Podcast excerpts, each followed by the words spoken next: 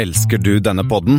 Gjennom Acasts nye supporterfunksjon kan du nå vise din støtte til podskaperne. Det er helt opp til deg hvor mye du ønsker å bidra med. Klikk på lenken i podbeskrivelsen for å støtte podkasten. Hei og velkommen om bord på Flight 45 av flypodden som vi i dag har kalt Flying Home for Christmas. Det er blitt 18. desember, og i dag sitter vi også hver for oss og vi skal nerde med deg en ca. 40-45 minutters tid. I dag skal vi snakke om Wizz Air sin storsatsing på Norge. Vi skal snakke om Torp som setter nye rekorder. En etterlengtet ny kunde for Airbus A380-programmet har i dag fått, eller har fått sin første A380. Og vi skal selvfølgelig Vi har kombinert to av våre favorittspalter. Afrikanyhetene og Espens konkurshjørne. Med oss i dag har vi ifra Vettre Vollen eh, ute i periferien i Asker. Kristian Kammer. Og litt mer sentralt i Asker har vi Espen Næss. Og ifra Mjøndalen har man undertegnede Thomas Lone. Eh, det er flight 45 i dag, Kristian, og du har som vanlig sett på noen eh, flighter 45 rundt om i verden. Har du et par-tre du vil dra opp av nissesekken din i dag? Ja, vi har jo Lott uh, 45, som går uh, Warszawa til eh, YYZ. Og hvor er YYZ, Espen? Toronto. Toronto, riktig. Uh, så har vi Delta 45, som er Dublin JFK. Og så har vi Turkish 45, som er Cape Town Istanbul.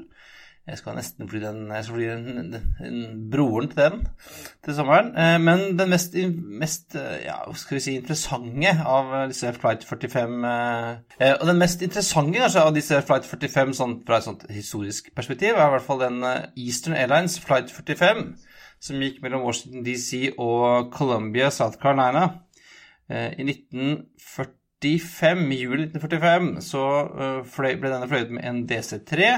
Eh, og over South Carolina så klarte han faktisk å treffe en eh, US eh, Air Force US Army Air Force A6 Invader som var ute på noen treningsoppdrag. Denne halevingen til denne invaderen traff DC-3-en på motoren og som kjørte inn i, i flykroppen. Eh, Mista hele halen på invaderen, som selvfølgelig krasjet, mens DC-3-en klarte å lande eh, i et eh, en maisåker. Eh, det viser liksom bare igjen hvor, eh, hvor tøff denne DC-3-en eh, var og er. Den tåler liksom en, en mid-air collision med et bombefly. Null stress, vi lander i, et, i en maisåker. Ja, det var jo de fleste overlevde jo. Det var vel 20 overlevende og bare tre døde. Det er jo ganske imponerende når man snakker om en mid-air-kollisjon. Ja, og uh, nå klarte jo to av Den ene av, uh, av crewet på den invaderen klarte også å overleve, kom seg ut i fallskjerm, men altså Det viser jo liksom hvor, hvor, hvor, tøft det er å være liten, denne lille maskinen her, da. Så det var flight 45 for i dag. Og da tenker vi at vi bare går rett på ukens nyheter, for også denne uken så er det nok å ta av, og vi starter litt sydvest for oss på Torp, eh, Espen, for de melder eh, at de har passert en milepæl for, eh, for 2018. Ja, de har nå midt i desember passert sin to millioner reisende innenfor samme år. Så de går da mot en ny rekord. De har aldri vært over det tallet før. De har jo kanskje, jeg skal ikke si godt under radaren, for det var jo veldig mye snakk om eh, Torp før, og så fikk de jo en liten nedgang når da Rygge var operativt. Eh, eh, men klart, de klarte jo seg, de var jo aldri tror ute i noe krise eller noe sånt, men de fikk en liten dipp i passasjerantallet, og så har de sakte, men sikkert egentlig bygget seg opp igjen. Eh, da med nye ruter, for slik jeg forstår, så er ikke innenriksmarkedet helt det det var tidligere. Det er jo Eh, man hadde jo egentlig både Widerøe og Norwegian en liten periode som prøvde å fly, eh, som sikkert boosta antall passasjerer, men eh, jeg tror de fløy med rimelig røde tall, i hvert fall Norwegian, når de forsøkte seg med 737 fra Torp.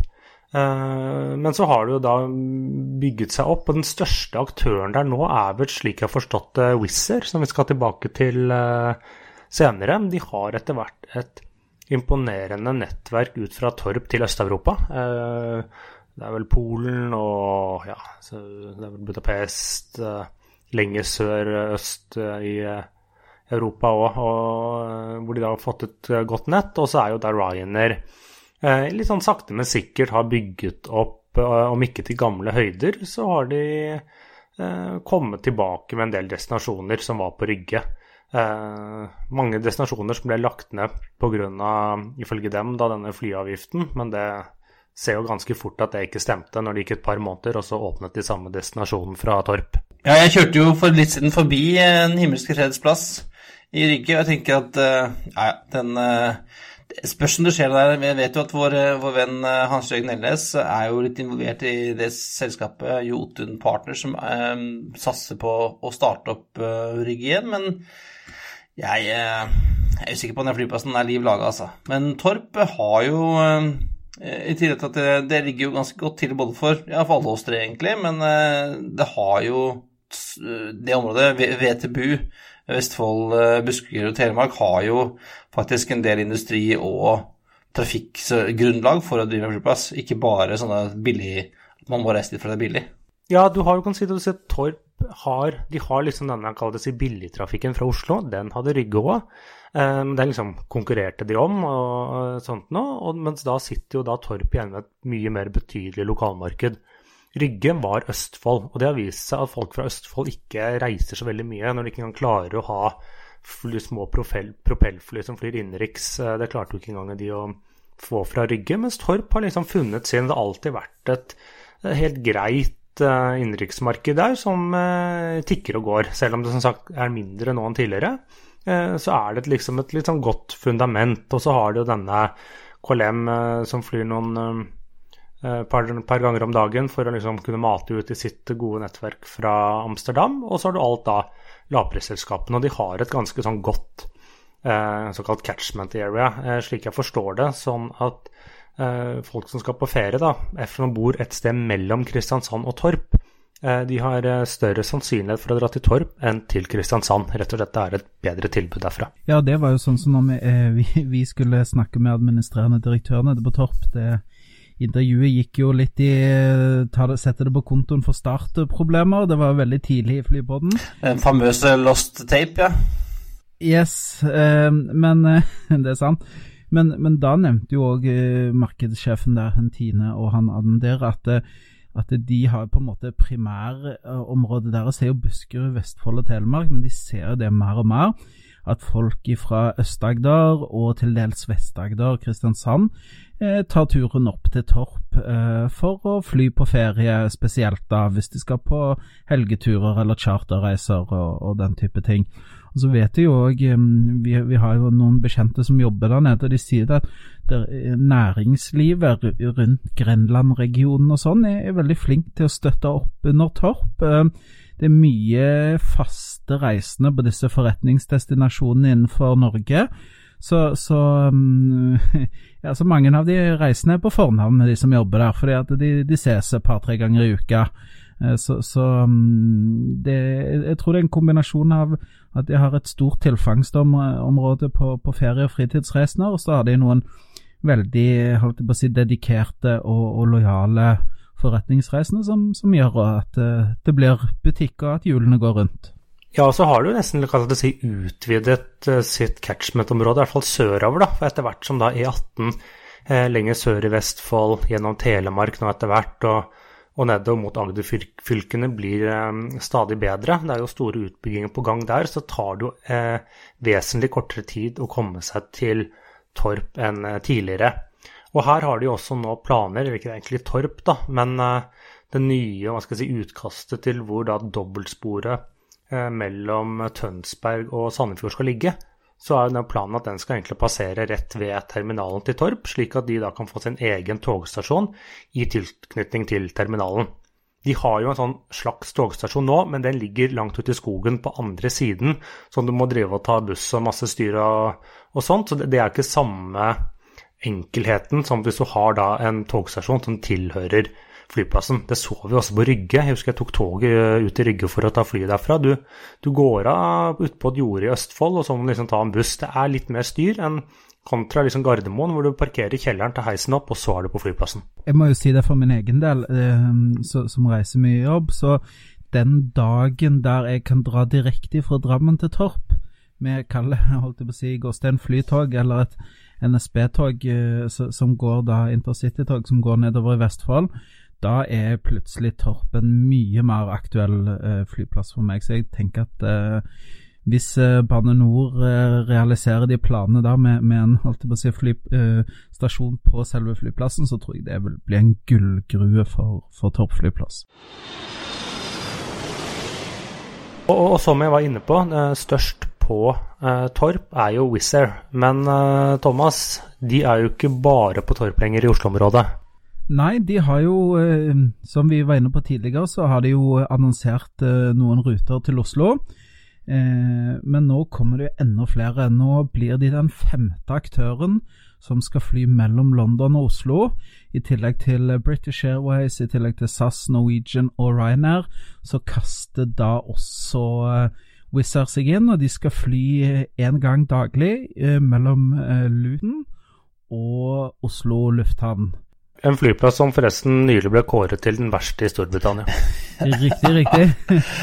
Så ja, så da skal de fly der, og det blir da Så noen tok en opptelling, blir vel den 17. daglige avgangen mellom Oslo lufthavn og London-området. Så det er jo klart det begynner å bli ganske god connection mellom, mellom Oslo og og eh, London eh, der, altså. Ja, men hvem er det som vil til Luton, da? Altså, jeg skjønner jeg, Dette diskuterte vi før uh, uka, men altså Når det fins så bra tilbud, så bra priser til både til Heathrow og Gatwick og til og med Stansted, hvorfor i svarte uh, skal noen til Luton? Jeg kan ikke, jeg kan ikke skjønne, jeg kan ikke skjønne det Også én gang om dagen, liksom. Ja, men det er jo, dette, dette er jo litt disse, kommer jo til å kjøpe, selge for pris. Det er jo det de kommer til å gå for. Og kanskje ikke det er forretningsreisende som er pri én. Eh, men de dek, Luton dekker jo sitt område av London som tidligere ikke har vært connection. Det er ikke alle som skal til eh, til eh, Paddington-området, som er kjempefint å dra til Heathrow til, eller andre steder. Jeg, jeg, skjønner jo heller ikke folk som ønsker å dra til Stansted, jeg syns det er også ute i gokk, men jeg skjønner også at det er et marked. Uh, og jeg tror ikke det er noe sånn verre enn uh, en fra Luton. Så jeg tror liksom mange søker jo bare på London og kanskje har et litt ubevisst uh, forhold til hvilken flyplass de bruker. Og der tror, der tror jeg Espen har helt rett. Når min mor skal på helgetur, så trykker hun inn på Finn eller Momondo eller noen andre, så skriver hun fra der, Nå drar hun fra Stavanger, men da skriver hun uh, dit hun skal.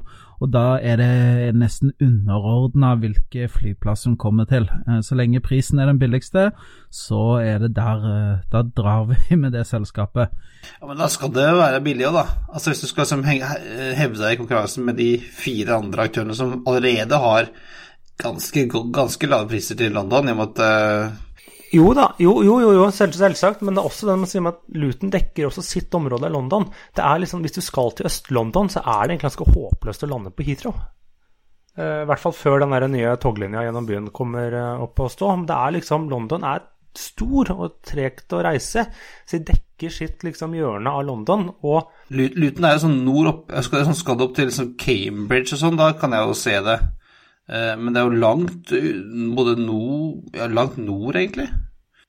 Ja, Cambridge er vel egentlig Stansted, men jeg tenker opp mot eh, Hvis du skal til Milton, Birmingham Milton Keys, da. Hvis, ja, Milton Keys. Hvis, hvis du skal Coventry, til Birmingham Leicester, kanskje? Ja, men, men det, er ikke, det, er ikke, så mange som skal dit. Men du skal ha nok hvis noen skal dit, og noen skal til uh, Oxford, ligger vel oppi der, uh, og litt sånne ting. Så kanskje du oppnår uh, nok reisende.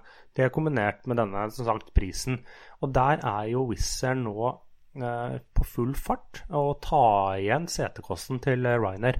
Eh, det sier, påstår det nå selv at spesielt når de får disse Airbus A319 Neo, så det, sies det nå, får se om det stemmer til slutt eller ikke, at da blir deres setekost lavere enn Ryanair, som til nå har vært den ledende på kostnadskurven. Og det får vi se på. Det ble jo også annonsert fire ganger i uka fra Bergen til Luton. Eh, Bergen har jo mista De hadde jo noe to daglige avganger med British Airways som de arva fra BMI, vel, eh, som ble borte. Og de står vel bare igjen med Norwegian til, til Gatwick.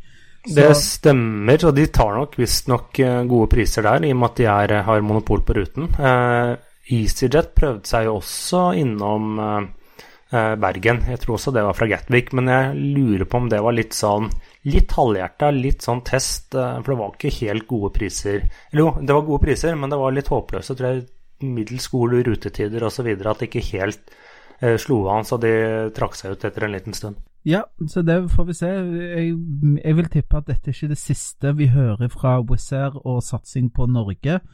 De er jo til stede nå i ja, flere destinasjoner enn KLM, var det ikke det vi fant ut ved siste opptelling? Så det blir eh, veldig spennende å se hva som blir neste på, på rutekartet for Wizz Air eh, i Norge.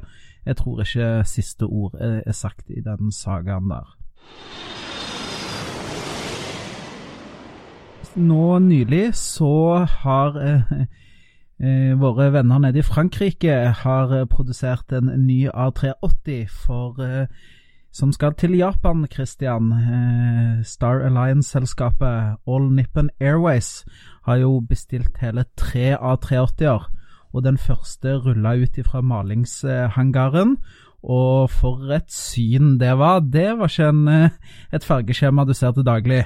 Nei, altså for de som ikke har sett den ennå, så er det altså malt en svær skilpadde eh, over hele kroppen på denne her. Eh, en sånn blå turkis, faktisk. Og jeg har jo alltid sagt at jeg syns at eh, A380 er en eh, vederstyggelighet. Den ser jo ikke ut. Det er jo ikke akkurat et vakkert fly, men akkurat i denne fargeskjemaet her, hvor nesa er jo blitt hodet til skilpadden, med et stort smil, og den ser jo kjempesøt ut. Så dette her, her har de fått til noe. Denne ser faktisk fin ut. Um, og de har jo kjøpt altså, tre stykker. Det kommer en grønn, og så kommer det en oransje. Um, og blant annet skal de brukes på Tokyo Hawaii, som er jo en sånn super uh, uh, ferie-fritidsdestinasjon. Det er sånn Det er connecta Norge til Granca, er dette, mer eller mindre. Ja, men de har ikke helt samme konfigurasjon da, som kall si, den klassiske Gran Canaria-konfigurasjonen med fire klasser om bord. Uh, de har faktisk bare 520 seter, så det er jo sånn, sånn Er det rundt det Air France har i sine? Så 383 economy class på main deck, 137 seter uh, på upper deck, hvor det da er 8 first, 56 business og 73 i premium economy helt bakerst. Uh, første som ble normalt i Hamburg, tok 21 dager. Ganske mye manpower. Jeg gleder meg til å se de to andre som snart kommer etter. da. Og vi noterer oss jo også for det faktum at uh, japanske selskaper de slutter aldri med first class. Jeg har jo sagt at de siste selskapene som kommer til å fase ut first class, er de japanske. Og det vil jeg si at dette bekrefter med at de selv i denne, jeg kaller det nesten chartermaskinen, eh, setter inn åtte seter i first class. Og Arne er jo kjent for å ha en god first class, og dette Her satses det på first class eh, fortsatt. Ja, og, og Ana er jo også kjent for å si high yield. Det er jo de som har 160 seter i, i 7, en av 787-utgavene sine. Sammen med tror jeg, Japan Airlines, noe sånt rundt omkring der. Så de er jo eh, De satser jo da på, eh, på rett og slett få godt betalende kunder, og ikke nødvendigvis flest. Nei, og så si, De er jo sånn, litt sånn urban legends, eller sånn myter som sier det at grunnen til at japanske flyselskaper alltid vil ha first class, eh, det er så lenge at eh, de japanske selskapene, firmaene, tillater sine vanlige, vanlige ansatte å fly business class, så må du ha noe over business class som executives og management-ledelsen kan fly, og da, da, er first class der. Så, så, så, lenge, så, lenge, den vanlige japanske arbeider som kan fly business class, så, vil også grunnlaget for first class bestå. For det, det er et godt skille mellom ledelsen og fotfolket i, i fortsatt Japan. Og mens uh, Ana sin uh, 380 ser helt smashing ut, så har uh, også et annet selskap lansert nye farger denne uken. Og det var ikke akkurat smashing, Espen. Sun, Sun Country Airlines i USA Eh, de er litt sånn charterferie-fritidsgreier, de også. De har nå lansert et nytt fargeskjema som kan minne om to andre selskaper, hvis du kliner dem sammen. Ja, eh, det var, eh, som en skrev på flypratforumet. Det ser ut som en Norwegian-kjerre har rygga inn i en Aeroflot.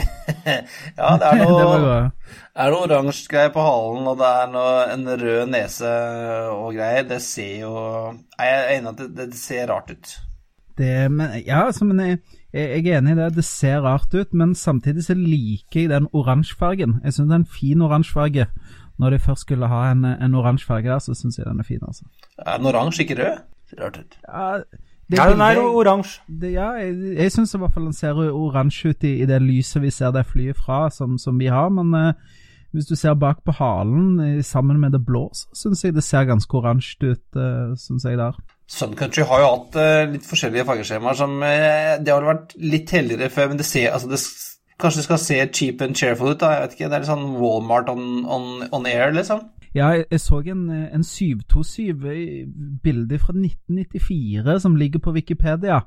Eh, det syns jeg er et kult fargeskjema. Eh, en sånn sol som, som spinner opp en sånn eh, røyk, og så kommer Sun, navnet på flyselskapet, ut, og så strekker linjen seg helt opp mot T-halen på, på 727-ene. Syns jeg var litt, litt fresk, så de kunne jo lagd en sånn retrojet av, av, det designet der. Det hadde sett kult ut. Men vi må videre. Vi kan ikke sitte her og snakke om Sun Country eh, hele dagen, så da tenker jeg at eh, vi prøver oss og slår i sammen Afrikanyhetene og Espens konkurshjørne. For eh, det er ting som har skjedd i Afrika, Espen, og det er noen som har blitt satt på bakken der.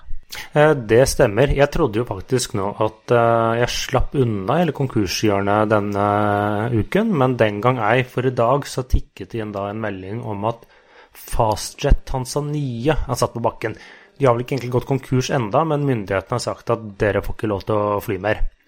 Eh, for å liksom gå liksom bakgrunnen av dette, Fastjet det er da eh, noen som har forsøkt å lage en litt sånn EasyJet-versjon i Afrika. Det er bl.a. han eh, Stelios, eh, EasyJet-gründeren, som står bak. Eh, så de har hatt eh, selskap. De har til nå stort sett egentlig tror jeg tapt penger osv. Så, så de opererte i Tanzania. De har et selskap i Mosambik og et i Zimbabwe. Uh, mens disse da, Tanzania, myndighetene der, synes at dere kansellerer for mange fly osv. Litt som vi så med disse Watanya i Kuwait mye samme historien, eh, og sagt at dere får ikke lov til å fly mer, eller i hvert fall dere er satt på bakken eh, ut neste måned, så vi ser hva som skjer. Eh, og her spekuleres det også at det er jo et annet selskap i Tanzania, Air Tanzania som kanskje myndighetene ønsker å forfordele litt her. Så får man se om det, det stemmer eller ikke, men det er jo ting som tyder på det. Eh, men det var ikke stor operasjon heller. De fløy rundt med to Embra 190, så det var jo ikke en ja, Det var ikke veldig mye å rope hurra for, så jeg er ikke helt sikker på hva de flyr i Mosambik og Zimbabwe. Nei, altså det, det, Fastjet har jo vært et forsøk på å skape en, en afrikansk AirAsia, f.eks., eh, med lokale eh, operativselskaper rundt omkring, men de sliter jo med at Afrika er jo veldig, veldig regulert fremdeles. De klarer liksom ikke å få det til. Eh, de har jo slitt med finansieringen lenge. Tydeligvis kosta mer penger enn, det, enn, de har fått til. Altså, ja, ofte så, så, er det som den første, eh, første, som skal inn og drive med low-cost-flying eh, rundt i et marked, sånn som Color Air da, i Norge f.eks., får du ikke til. Så det kan hende at disse her må gå dukken for at de skal få en, en ekte cross-border low-cost carrier i Afrika. Kanskje det er det som skal til. Ja, så må du få volumer. Du kan ikke fly rundt på to fly. Nei, det gjør ikke. De hadde et kult callsign, da. Greybird. Oh, ja, men, som da henviser til den eh, grå papegøyen på halen. Der har du den. Noen andre som eh, er stuck på bakken, eh, er Norwegian. Det er en, som de kanskje de fleste har fått med seg, så står det en 737 Max 8 på bakken. Det er vel eh, Lima November Bravo Kilo Ekko som eh, er stuck på bakken i, eh, i, Iran. Gikk fra Dubai, skulle til Oslo. Etter kort tid etter takeoff fra Dubai, har kommet litt innover Iran, så får de noen indikasjoner på noe trøbbel, var det vel i motorene. og da, mm, da, ble, det, da ble det landing i, i Shiraz i Iran, gitt. Og, og du som har jobba litt med operations og, og kjenner litt til dette her på innsiden fra bransjen, Christian. Det er ikke bare bare. En ting er en, en, en, at man må nødlande et sted.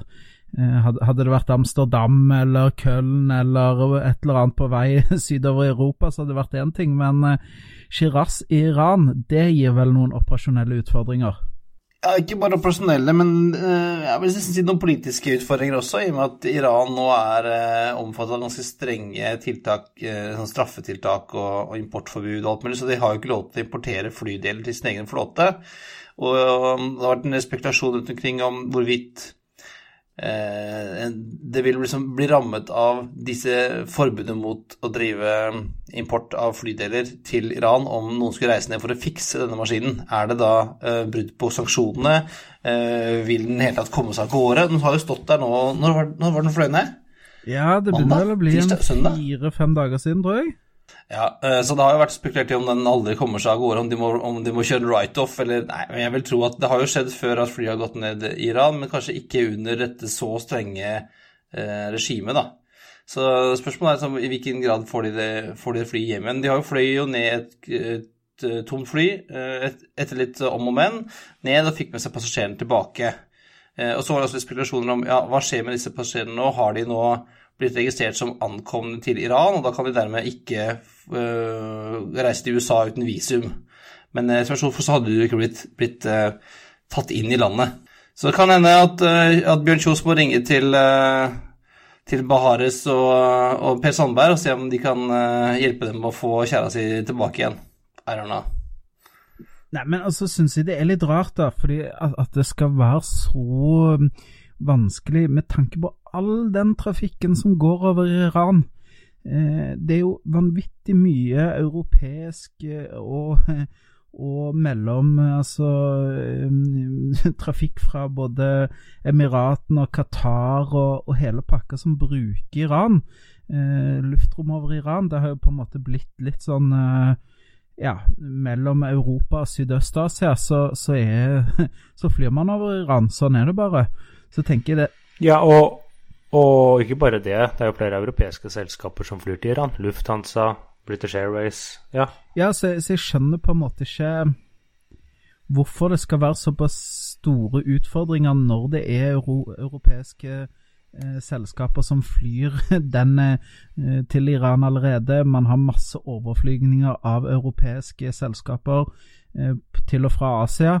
Så det, det, det slår meg litt sånn ja, Jeg syns det er litt pussig at det skal plutselig være et kjempestort problem for Norwegian eh, når de må lande i Iran. Jeg tenker at dette er ting som har skjedd før, og dette er ting som rutiner, og det må være noe i KAO, IATA-avtaler, et eller annet som ligger til grunn her, som, som gjør at, uh, at disse tingene her skulle bare gått i orden. Så, så det eneste jeg kan tenke at det er uh, første gang dette kan ha skjedd etter dette nye, ganske strenge uh, sanksjonsregimet som Donald, vår venn The Donald har innført, da.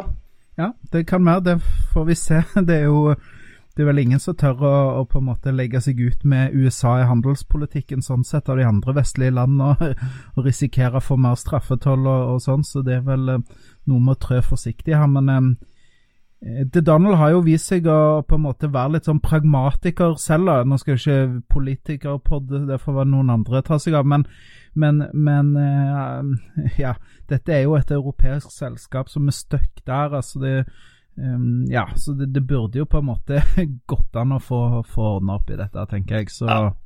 Det løser seg nok, tenker jeg, om ikke så altfor lenge. Men det er jo kjedelig å ha en maskin stående på bakken uvirksom, da. Ja, og så er det jo en ganske ny maskin, så det er jo en dyr maskin òg å ikke ha i drift og tjene penger på.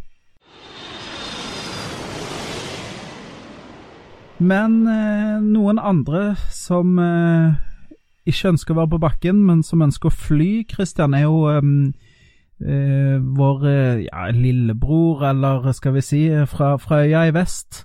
Flydd litt for SAS i det siste, hatt litt samarbeid med SAS osv. Atlantic Airways de har sendt inn en søknad, og hvor ønsker de å fly? De ønsker å fly Vagar Færøyene til New York, faktisk, med den nye A320 Neon som de får nå til våren, er det vel. Uh, og den skal jo fint kunne fly uh, den strekningen, den. Uh, men jeg også litt Selv fra rullebanen i Vagar? Ja Jo, men de har gjort noe greier, da. For disse, disse airbussene som de har kjøpt nå, er jo på en eller annen vis spesialtilpasset for å kunne fly til Vagar. og spørsmålet som hva prøver Færøyene å bli det nye Island, etter at liksom Island er liksom blitt litt passé.